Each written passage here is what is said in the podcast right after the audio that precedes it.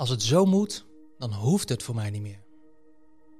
Tranen springen in de ogen. Het is zwaar, hè? Ander knikt. Je werkt hard.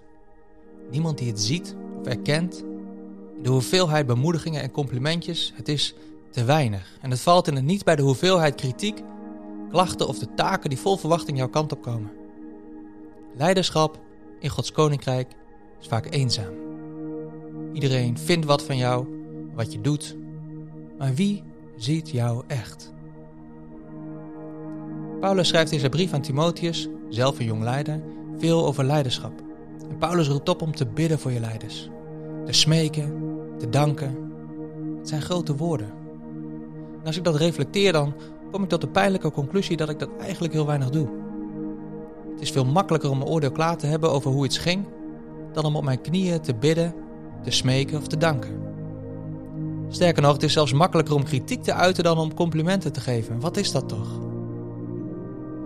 Verderop schrijft Paulus: Laat oudsten die goed leiding geven, dubbele eer waard geacht worden. Vooral degenen die arbeiden in woord en in de leer. Want de schrift zegt: Dorsende os mag u niet melkorven, en de arbeider is zijn loon waard. Dorsende os. Hoe noemt Paulus leiders? Het is wat makkelijk om hier een grapje over te maken en dat doen we dan ook graag. Weglachen als iets ongemakkelijk wordt, maar doen alsof het heel normaal is en overgaan tot de orde van de dag. Maar Paulus is hier heel serieus. Eer je leiders. Wij Nederlanders zijn daar niet heel goed in. Het is wel bijbels om leiders eer te geven. En leiders die goed leiding geven, dubbele eer. Dus ik heb een oproep voor jou vandaag. Eer je leiders.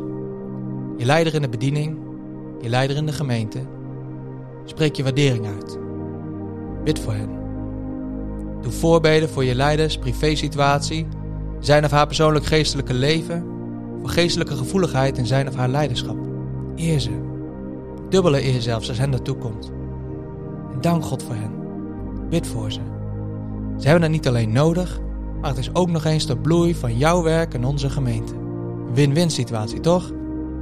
Laat die dorsende os maar eens lekker smikkelen van het heerlijke graan, wat hij voor ons allemaal dorst.